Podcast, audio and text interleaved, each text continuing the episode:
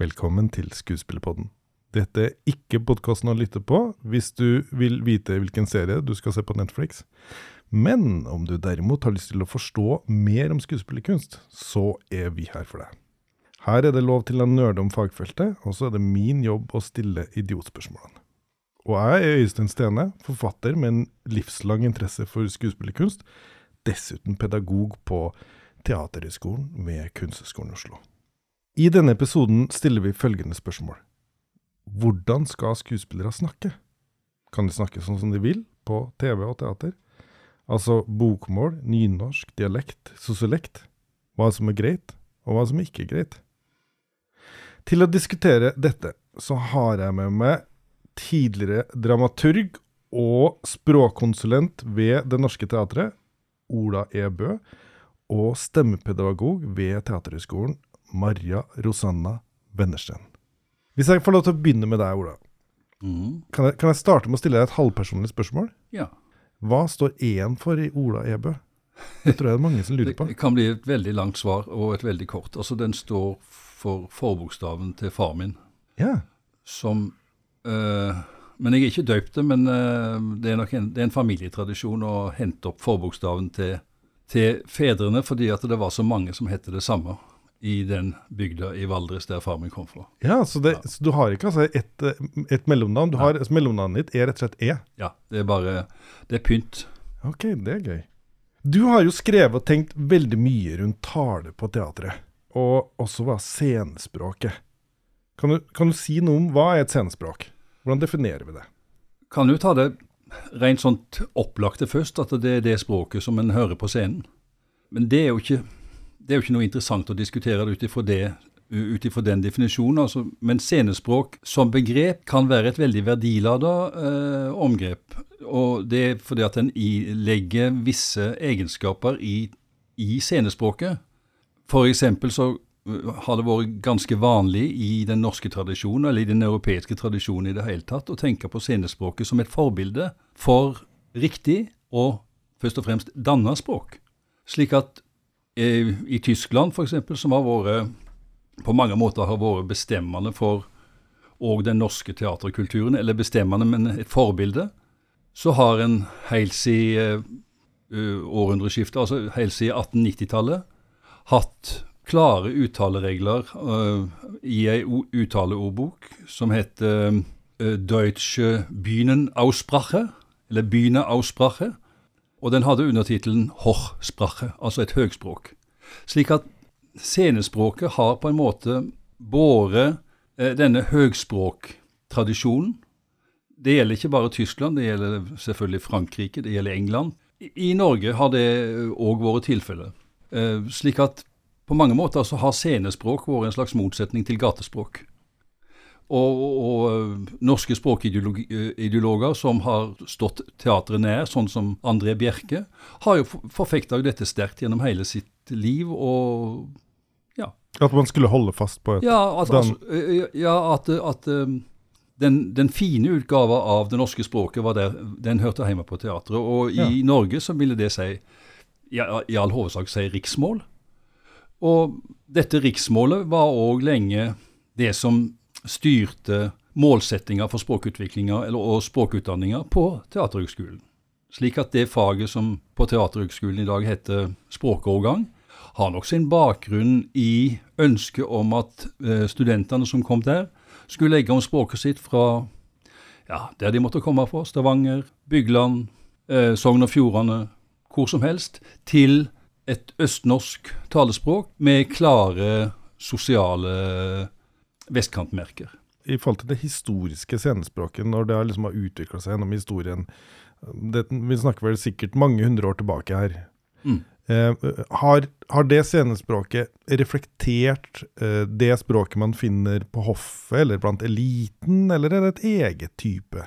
Det har nok langt, langt på vei eh, reflektert det språket en finner hos eliten. Og i, i, altså i Tyskland ikke sant, så, var eh, så, så utvikla scenespråket seg kanskje Altså, Jeg pleier litt flåsete å si at det tyske scenespråket eh, var tidligere ute enn Tysklands samling, rent politisk. Altså, En hadde funnet fram til et scenespråk i Tyskland som langt på vei var det samme enten du gikk på teater i Hamburg eller i, i Leipzig, f.eks. Lenge før Tyskland eh, ble samla med Bismarcks harde middel. Så scenespråk eh, er noe som kommer før på en måte nasjonalromantikken? Det er ikke nødvendigvis det som skaper behovet for eh scenespråk? Nei, eller? men kanskje, kanskje var scenespråkutviklinga i Norge veldig prega av utviklinga under nasjonalromantikken. Høgspråket i Tyskland var tross alt tysk, mens høgspråket i Norge var dansk. Slik at norsk, eller striden om det norske teaterspråket, den sto mellom norsk og dansk. Og uh, første, de første teatre i, i, i, Norge, sånn som, uh, sånn Kristiania Norske Teater på Bankplassen, uh, eller det som er Bankplassen i dag, som ble grunnlagt i 1827, bare med, grunn, bare med, danske skuespillere. Slik at striden i Norge den sto om danske eller norske skuespillere, men det fantes ikke noen utdanning i Norge. Det fantes nesten ikke norske skuespillere. slik at dette vedvarte jo til langt utover på 1850- og 60-tallet da det ble sett en stopper for danske skuespillere. Men danske skuespillere dominerte nok norsk, eh, norsk teater til langt opp på 1870- og 80-tallet. Men etter hvert så fikk du da en del norske skuespillere og et, veldig, og et klart sånn tilsig eh, fra Bergen, bl.a. etter Ole Bulls teater i Bergen på 1850-tallet. En del av disse flytta over til Oslo, eller til Kristiania. Og teaterspråket forandra seg sakte, men sikkert mot en, mot en, mer norsk uttale av dansk. Og ble det som vi seinere, da, med Bjørnsons eh, hjelp, kalte for riksmål. Og dette riksmålet var på en måte det foretrukne norske teaterspråket. Ikke bare på Nationaltheatret, som var det ledende teatret, også rent språklig, men også for uh, de kjente institusjonene i resten av Norge. I, på Rogaland Teater, på Trøndelag Teater, Nasjonale Scene i Bergen. Jeg husker når jeg eh, som eh, ung mann i Sauda hørte Rogaland Teater eh, på besøk på Folkets hus i Sauda, så snakket de ikke, de snakket ikke Stavanger-dialekt, eller de snakket østnorsk riksmål. Ja. Og så kommer det jo et skriftspråk til. Ja. Så kom det et skriftspråk til med et helt annet utgangspunkt. Og det er det som gjør den scenespråklige utviklinga i Norge såpass, så, så, mye mer interessant. Nemlig at du i Norge uh, har ei, en scenespråklig konflikt som tar utgangspunkt i en, kolon, i en kolonial historie. Altså det tyske scenespråket, ja, høgspråk, men likevel tysk. Men det norske høgspråket var en arv fra dansketida. Og dette er jo en konflikt som på en måte ennå ikke er løst, men som, som, i dag ser helt annerledes ut enn den gjorde bare for 50 år siden, 60 år siden. Når begynner nynorsken da å, å, å gjøre seg gjeldende som et scenespråk oppi det her? Ja, fra uh, tidlig på 1900-tallet. Med, med, med Hulda Garborgs Reisende teater, det, altså det norske spellaget men dette hadde nok vært en diskusjon helt siden nynorsken ble presentert på 1850-tallet. Altså, Garborg var jo veldig opptatt av det nynorske scenespråket, og han så for seg at det nynorske scenespråket skulle være et møte mellom ulike dialekter. Der kunne vossinger og telemarkinger og sogninger og østlendinger møtes på teatret. Og så skulle disse, disse teatrene slipes mot hverandre, som Garborg sa, og så ville på en måte det rikeste språket vinne. Og denne, denne slags eh, språklige darwinis, darwinismen slo ikke akkurat til, da, men, eh, men, men eh, Så det ble aldri denne vakre summen, men ble nå, det ble nå et, et, scenespråk som tok utgangspunkt i det nynorske skriftspråket, i alle fall. Hvordan, eh, hva slags type scenespråk vil du si finnes i Norge i dag? Ja, Det fins eh, en stor variasjon av scenespråk. Jeg tror at den dominerende rolla som riksmålet hadde helt opp til våre dager ikke har den posisjonen lenger. Hvis en gjør det litt lett for seg, kan si, gå tilbake til 70-tallet og, eh, og etableringa av Hålogaland teater. Som, som, jeg, som, jeg, mener er på en måte et slags vendepunkt når det gjelder, eh, når det gjelder et brudd med, med, med, riksmålets posisjon som, som rådende scenespråk. Og det fikk òg veldig mye å si for utviklinga av utdanninga på Teaterhøgskolen, vil jeg tro.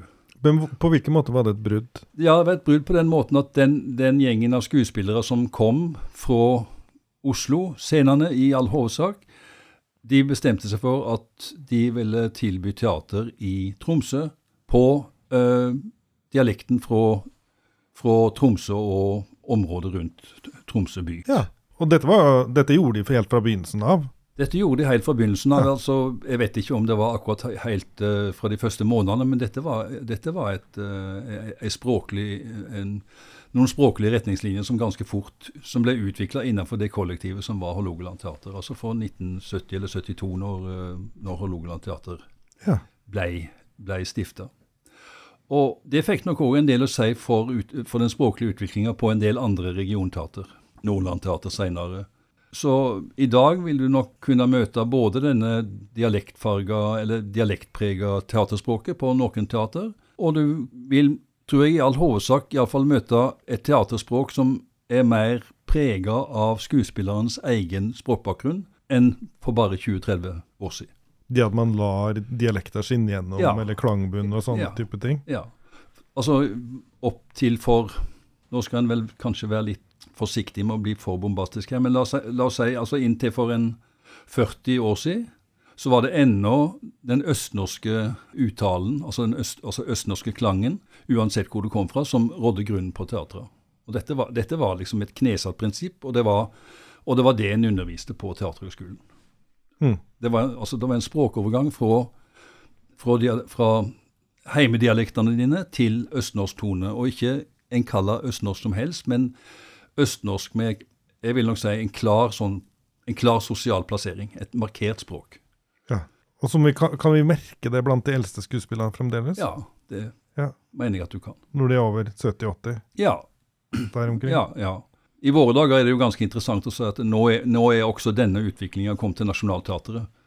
Nå, det, nå, snakker en om språklig kaos på Nationaltheatret, det syns jeg er veldig flott. Det er endelig, en, endelig språklig kaos på Så, så, så, du vil si at den, den liksom makta, på en måte, det, det liksom danna bokmålet, eller riksmålet, eller hva det, det, hegemoniet det har hatt, da, det eh, kan vi ikke snakke om lenger, tenker du? På ja, norske teater? Ja, det tenker jeg. og det litt paradoksale er jo at dette østnorske språkhegemoniet det, det påvirker jo språket på det norske teatret. Hildegunn Riise, som begynte på Det Norske Teatret etter hun hadde gått ut av skolen her på midt på 80-tallet, fortelle at det å komme med Hardanger-bakgrunn, eller Hardanger-språktone på Det Norske Teatret på midt på 80-tallet, det, det, var ikke bare bare. Nei. Nei. Det var jo noen som mente at det, du får jaggu til å snakke med østnorsk tone, du òg. Bare uh, bare for, å, ha det også helt klart. Det Norske Teatret, uh, uh, når ble det etablert? Det, ja, det ble 1912. 1913. Som et nynorsk teater? Som et nynorsk teater. Ja med nynorsk eh, scenespråk fra første dag. Og det betydde jo at uh, stykker måtte omsettes, og så mye originaldramatikk på nynorsk var det selvfølgelig ikke. Og, så det var jo noen teaterstykker som ble spilt om igjen og om igjen, men, men ganske fort et stort tilfang av stykker på nynorsk. Jeg tror jeg har dette fra en artikkel av deg, men eh, så vidt jeg skjønte, så det, var det eh, litt brudulja når du begynte å spille oversette Jeppe på Bjerget til nynorsk? Det var, det var sjølve Ja, det var sjølve stridens eple, ble det sagt. Det var nok eh, mer sammensatt enn som så, men, men eh, Garborg hadde jo da oversatt eh, Jeppe på Berget fra, fra dansk mm. til norsk, til nynorsk. Men det er klart at eh, det var nok like viktig i 1913, når dette såkalte teaterslaget sto, at, ja, at det språklige og teaterpolitiske hegemoniet ble bråte i hovedstaden. Mm. Og med konge og stort, stortingspresident og hele regjeringa til stas på åpninga. Ja. Det falt nok en del tungt for brystet. Ja, riktig. Maria, eh, ja. du er altså sanger og logoped opprinnelig. Um, og um, førstelektor på Teaterhøgskolen, og underviser i stemmefaget. Mm. Så hva er Teaterhøgskolens forhold til scenespråk? Jeg, jeg, tror ikke jeg har et svar på det på vegne av Teaterhøgskolen. Jeg tror også at dette her er jo noe som hele tiden er og bør være i bevegelse. Fordi det er jo noe som Altså det er jo også noe som skjer i språksamfunnet. Eh, hvordan vi utfordres, hva som skjer ute i feltet, hva som skjer med språket vårt, vil på en måte også gi en respons, og vi bør være i dialog. Så eh, det med sammenbruddet som Ola beskrevet, kanskje, da, er, er på en måte også Teaterhøgskolen eh, Ja, kan vi ikke sant? merke her. Hvordan vi utvikler oss, hvordan vi eh, reflekterer um, rundt det. Og da er det også, tenker jeg, også sunt med friksjon og diskusjon rundt språklig tematikk. Men finnes det på en måte et danna talespråk man skal lære på teaterskolen når man eh, går her som student? Det vil jeg si at vi har gjort et, sånn som jeg opplever det, delvis brudd med. Delvis brudd. Fordi at nå snakker jeg på vegne da av språkovergang som jeg representerer, og jeg vil si at det har, det har vært viktige endringer der som har eh, Og Ola var jo inne på det. Hvorfor, når oppsto, hva var behovet for språkovergangen, og at dette har Ja, fordi før i Teaterhøgskolen, som Ola var inne på, mm, så måtte altså studentene lære et dannet bokmål. Ikke Eller sant? riksmål. Et slags korrekt Ja. korrekt scenespråk. Um, og så var det jo da, som i, eh, i starten, sånn som jeg har forstått det, at det kun var da de som, som eh, ikke hadde et, eh, en, en standardisert østnorsk uttale eller riksmål da. De som kom med dialekter, det var de som kom med dialekter som måtte gjennom dette. Og så er jeg litt usikker på når det da ble for alle. Altså at alle skulle lære dette som et verktøy, men da fremdeles med at de som kom med dialekt, skulle lære. Altså folk standardisert som østnorsk. altså kom fra Oslo, f.eks., måtte lære seg Kom, de som kom fra Oslo, kunne velge da i klassen. For det er jo noe av det som er i den eh, Altså de lærer en dialekt, da, med andre ord. De lærer en dialekt som finnes i klassen. Jeg vil tro at dette må ha vært på kanskje 80-tallet? 70-80-tallet, vet du det, Ola? Ja, jeg, jeg leste litt i 60-årshistoria til, eh, til, den norske te til Teaterhøgskolen, og der sier Thea Stabel som det var, nok, det var nok tidligere enn 80-tallet, det må ha vært Hun gikk vel ut på Hun begynte i 61, så er akkurat i gangen her. Ja, nettopp. Og, og hun, hun sier da i denne, denne jubileumsboka at det var helt opplagt at det var riksmål en skulle lære på Teaterhøgskolen. Vetle Lie Larsen skriver i den samme boka at eh, Lars Andreas Larsen lot eh, seg intervjue i Rogalands Avis, og da sa han at det, han, var, han var veldig glad for at det nå ikke var noe dialekt igjen i han som ung skuespiller. Slik at dette, dette er jo ei linje som gradvis ble svekka, som eh, Marie er inne på. Og, og jeg vil nok si at jeg som har, jeg har jobba med dette, dette spørsmålet i mange år, har jo hatt en del samtaler med eh, linjeledere på skuespill i, på Teaterhøgskolen. Det er ikke så veldig mange år siden, la oss si at det er ti år siden at jeg møtte argumentasjonen om at en måtte ha et riksgyldig språk. Og når jeg hører ordet riksgyldig språk, da, ja, da avsikrer jeg min pistol. Eh, det, det, det i, et, I et land med, med minst to språkvarianter og med stor åpenhet for dialekt, så er jo det å snakke om riksgyldig språk, det er virkelig alt teglich. Det er gammeldags, altså. Jeg vet ikke om dere vil beskrive sånn, men at kanskje de siste 10-15 åra så har eh, dialekt og identitet knytta til dialekt fått større verdi, også i offentligheten. Og ja, du kan ta hardere i og si det siste, jeg vil si de siste ja, 40-50 åra. Ja, at en stadig økende Ja, ja. Ak aksept for dialekter. Ja, i, i alle sammenhenger. slik at det, det, det har jo ikke en sånn veldig altså Dialekt var ikke velsedd eh, i mellomkrigstida f.eks., og, i den- og de store språkkampene og mellom radikalt og konservativt bokmål gikk jo på 50-tallet, ikke sant? Sånt, eh, med Foreldreaksjonen og Aftenposten driver jo ennå og, og sensurerer innsendte innlegg og kronikker eh, fra, van, fra, fra radikalt bokmål til eh, et såkalt eh, hva heter det, moderat bokmål. Jeg sliter med det hver gang jeg får en tekst inn i Aftenposten, med å få Ja. beholde fram. Ja, at du, får, du, får du det? Nei. Det finnes jo en parallell til det som har skjedd uh, i teatret og med, med skuespillernes eget språk og med uh, dialektenes sterke stilling, og det er det som har skjedd innenfor uh, norsk populærmusikk. Der det etter hvert nå er flertallet av poptekster og, og hiter en har nå norsk tekst. Så jeg oppramsing i en eller annen avis, eh, og, og dette er jo noe nytt og veldig gledelig. på Som- dialekt. På dialekt, ja. Mm. Eller på dialekt og norsk i det hele tatt. For dette er jo en stor forskjell fra min barndom, hvor liksom alle popband, ordentlige popband, skulle spille på engelsk, Ja, ja. liksom. Ja, ja. Men, eh, hva tror du dette er uttrykk for, da, Ola? Jeg tror, det er, jeg tror det er artistdrevet, dette her, først og fremst. Jeg tror ikke det er et sånt folkekrav. Jeg tror det er liksom artistene føler at de, eh, de får ikke uttrykt seg nært nok og inderlig nok og sant nok på et språk som de ikke mestrer fullt ut. Mm. Og at det er en reaksjon på årevis av uh, angloamerikansk uh, kulturpåvirkning. Altså, dette, denne pendelen måtte jo slå tilbake før eller senere. Maria, noe å tilføye? Ja, nei, det var, det var noe annet. Jeg bare kom på noe som, som man bli, som språkovergangspedagog, man blir litt utfordret på. Um, og det er jo når det skjer språklydendringer. Mm. Um, og da kan det Kylling og kjøtt? eksempel kylling og kjøtt og kjole, ikke sant? Mm. Eh, og det er for mange fremdeles kommunikativ støy, ikke sant? Som kan, så for noen så kan det forstyrre hele uttrykket. Så det er jo mye mange har med sterke meninger om språk. Språkforskerne sier jo at antageligvis kommer, jo, kommer den lyden til å forsvinne, for det er en så sterk utvikling som skjer i språket at man antageligvis ikke kan stå det imot. Så det er jo på en måte Når skal også teatret anerkjenner eller aksepterer en språklig utvikling som skjer i samfunnet. Generas altså det er jo flere og flere av den yngre generasjonen som bruker den. Det er flere og flere som kommer inn på Teaterhøgskolen som også bruker det. Men det er jo allikevel en, kanskje en generasjonsmarkør.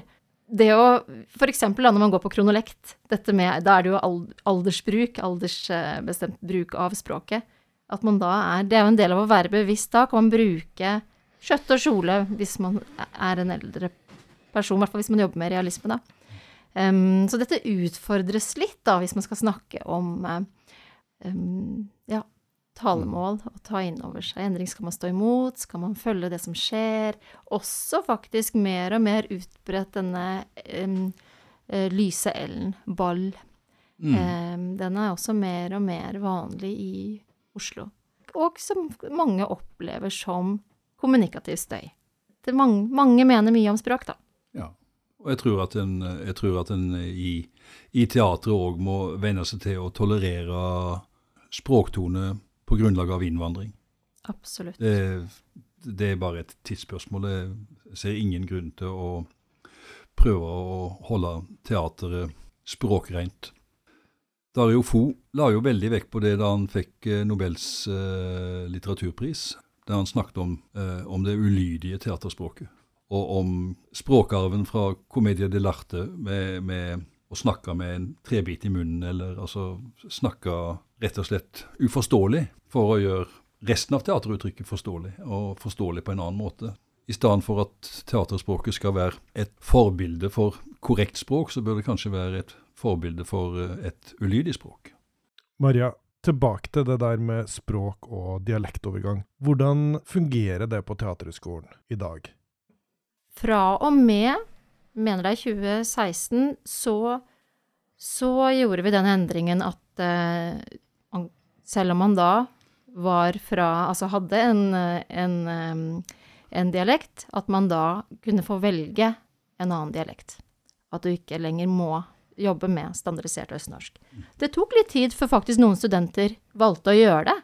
Så det er nok også noe med en forventning om at ja, men det tror jeg at jeg bør kunne, eller det er vel kanskje forventet at jeg kan, og det er vel det mest anvendelige eller fruktbare. Altså det er mange meninger rundt det, da.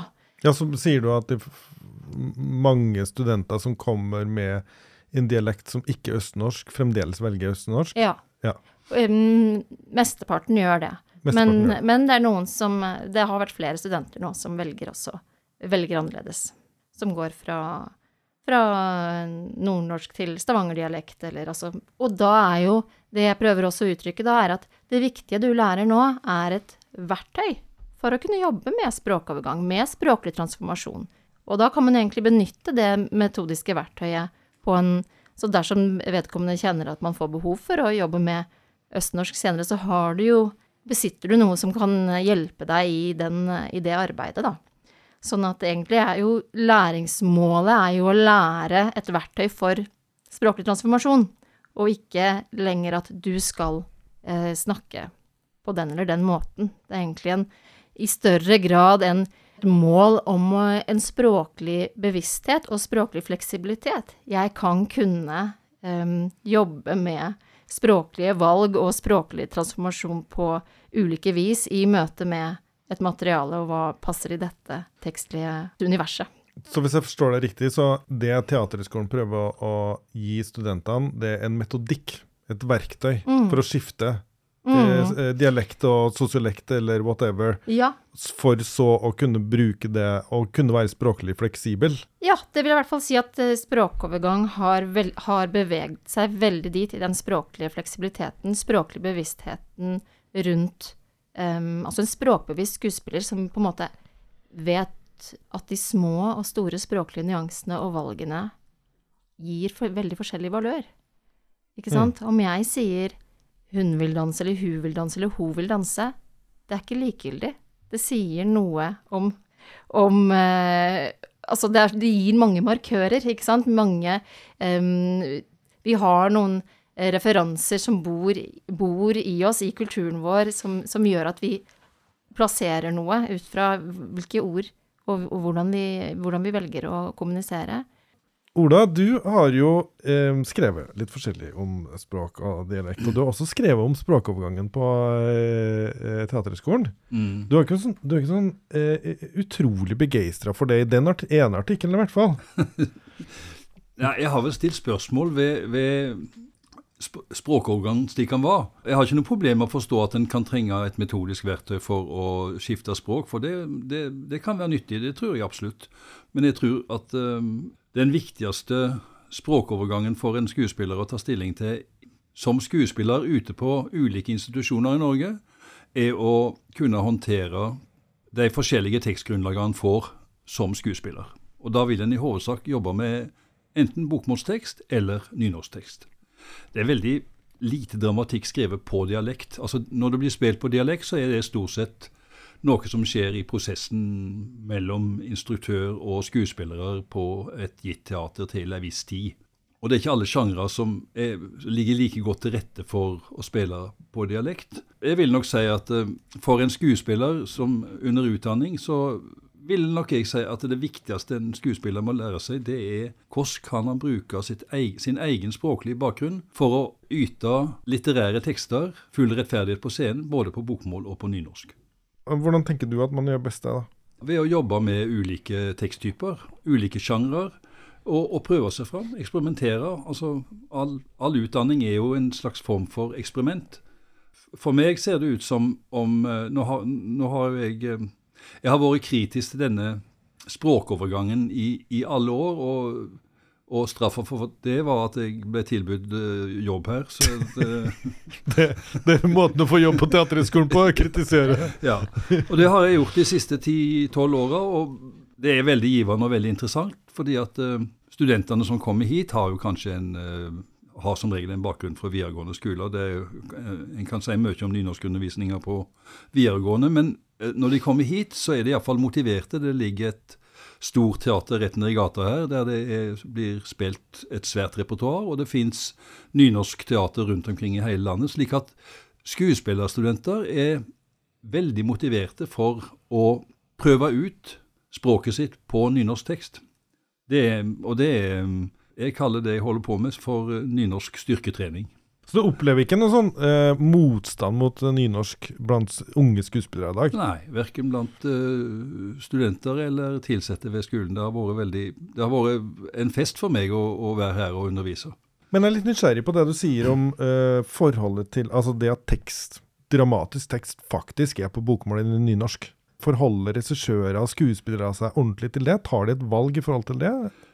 Opplever det? Ja, det tror jeg i, i all hovedsak. Men det, det, er klart at det, det, skjer Alle vet jo det som har vært innom et teater, at det skjer en hel del i prosessen på, i, eh, på scenen. Jeg tror nok at klassikere, altså Shakespeare, eh, blir stort sett spilt tekstrett. Eh, der skulle en kanskje ønske seg, iallfall eh, når, når jeg ser på og, og her på høgskolen, Eh, at en hadde valgt At en kunne ha valgt seg litt mer vekk fra Bjerke. eh, ikke sant, som, som leverte sine omsetninger på 50- og 60-tallet. Altså det fins eh, språk, det finnes andre språklige innganger til Shakespeare òg på bokmål, f.eks. Øyvind Berg, som med fordel kunne vært brukt på skolen. Altså det, det er et eksempel på hvordan skolen kan eksperimentere i forholdet mellom tekst og tale. Mm. Nå var vel Bjerke eh, veldig produktiv i oversettelse av Shakespeare, da, så det er kanskje noe med det også? Enorm, liksom- og ikke bare Shakespeare, men også Goethe Ja. altså, og, og andre klassikere. Altså, det, altså hans, hans innsats som, øh, som oversetter øh, må, jo, må en jo bare skatte. Men, men overforbruket av Bjerke syns jeg ikke er så veldig mye om. Men, men Bjerke er kanskje også en viktig eh, eh, faktor for kanskje å forstå hvorfor vi tenker på disse klassikerne som i den, i den målformen vi gjør, Ja. kanskje? Og dette er jo en problemstilling for alt oversatt litteratur i Norge. Med, altså, jeg vet ikke, jeg kan ikke fransk, men når, jeg, når jeg leser nå nobelpristakeren, altså Arnaud, jeg vet jo ikke om den fransken hun skriver tilsier at, at det er omsetning med frem og gaten. Altså, Hvorfor er det ikke fram og gata, f.eks.? Mm. Altså, eh, det, blir, det blir foretatt språklige valg hele tida, Mm. både i formidlinga av norsk tekst og, og omsatt tekst, som det er verdt å stille spørsmål ved. Vi har, vi har jo jevnlig de siste åra tatt inn ganske mange danske studenter, Og noen svenske. og noen svenske. Mm. Så, og de, eh, de har vel ikke noe valg. De er nødt til i språkovergangen å lære seg norsk, har de ikke, må de ikke det? Det er en, en Vi har prøvd å lage en, en progresjon i det. Så første, første året har vi ikke noe, er, finnes det ikke noe krav. Og så er det egentlig da vårsemesteret i andre klasse som studentene nå forventer vi på en måte at Um, at De man danske begynner- studentene At de danske studentene snakker norsk og bruker det inn i periodene. Og de snakker østnorsk. Så det er jo det, det, det er jo det, er på en måte er det et paradoks hvis en ser historisk på dette her, og utviklinga fra dansk til riksmål. Så er det liksom etter at det kom danske og svenske studenter, så er det det eneste som er sikkert at, som kommer til å snakke østnorsk sånn som i gamle dager, det er dansker og svensker. Mm. Så Men det vil jeg på en måte forsvare litt um, som faglig sett, fordi det er ting å jobbe med stavangerdialekt og bo i Oslo og være fra Danmark. Det er for, for eh, langt lerret å bleke, på en måte. Dette forstår til og med jeg. Men eh, det kan òg bli, bli nok den veien. Altså når Jon Fosse uh, med sitt litterære prosjekt blir oversatt til Tromsø-dialekt, da merker jeg at jeg reagerer. Ja, hvorfor, hvorfor du da? jo, jeg reagerer på jeg For reagerer, gjør, gjør, gjør han noe annet enn det Gaborg gjorde med 'Hjemme på berget'? Ja, han oversatte det til norsk. Uh, Jon Fosse trenger ikke å oversettes til Altså, En går jo glipp av en del av litterariteten i språket til Fosse når en oversetter det til dialekt. Dermed ikke sagt noe stygt om dialektene, men det er, det er, et, annet, det er et annet språklig uttrykk. Det er en annen språklig verden. Eh, Det er kanskje en språklig rikere verden enn en den skriftnære eh, språket, men, men det litterære språket har også sine egne verdier, som en skuespiller og som teater har ja, jeg vil nesten si er forplikta til å, å formidle til publikum.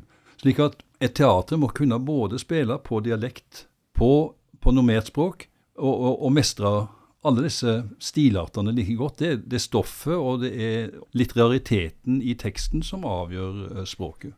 Og Det er derfor jeg mener at det, denne inngangen til den språklige, det språklige mangfoldet i Norge, den er, den er avgjørende viktig òg for teaterutdanninga.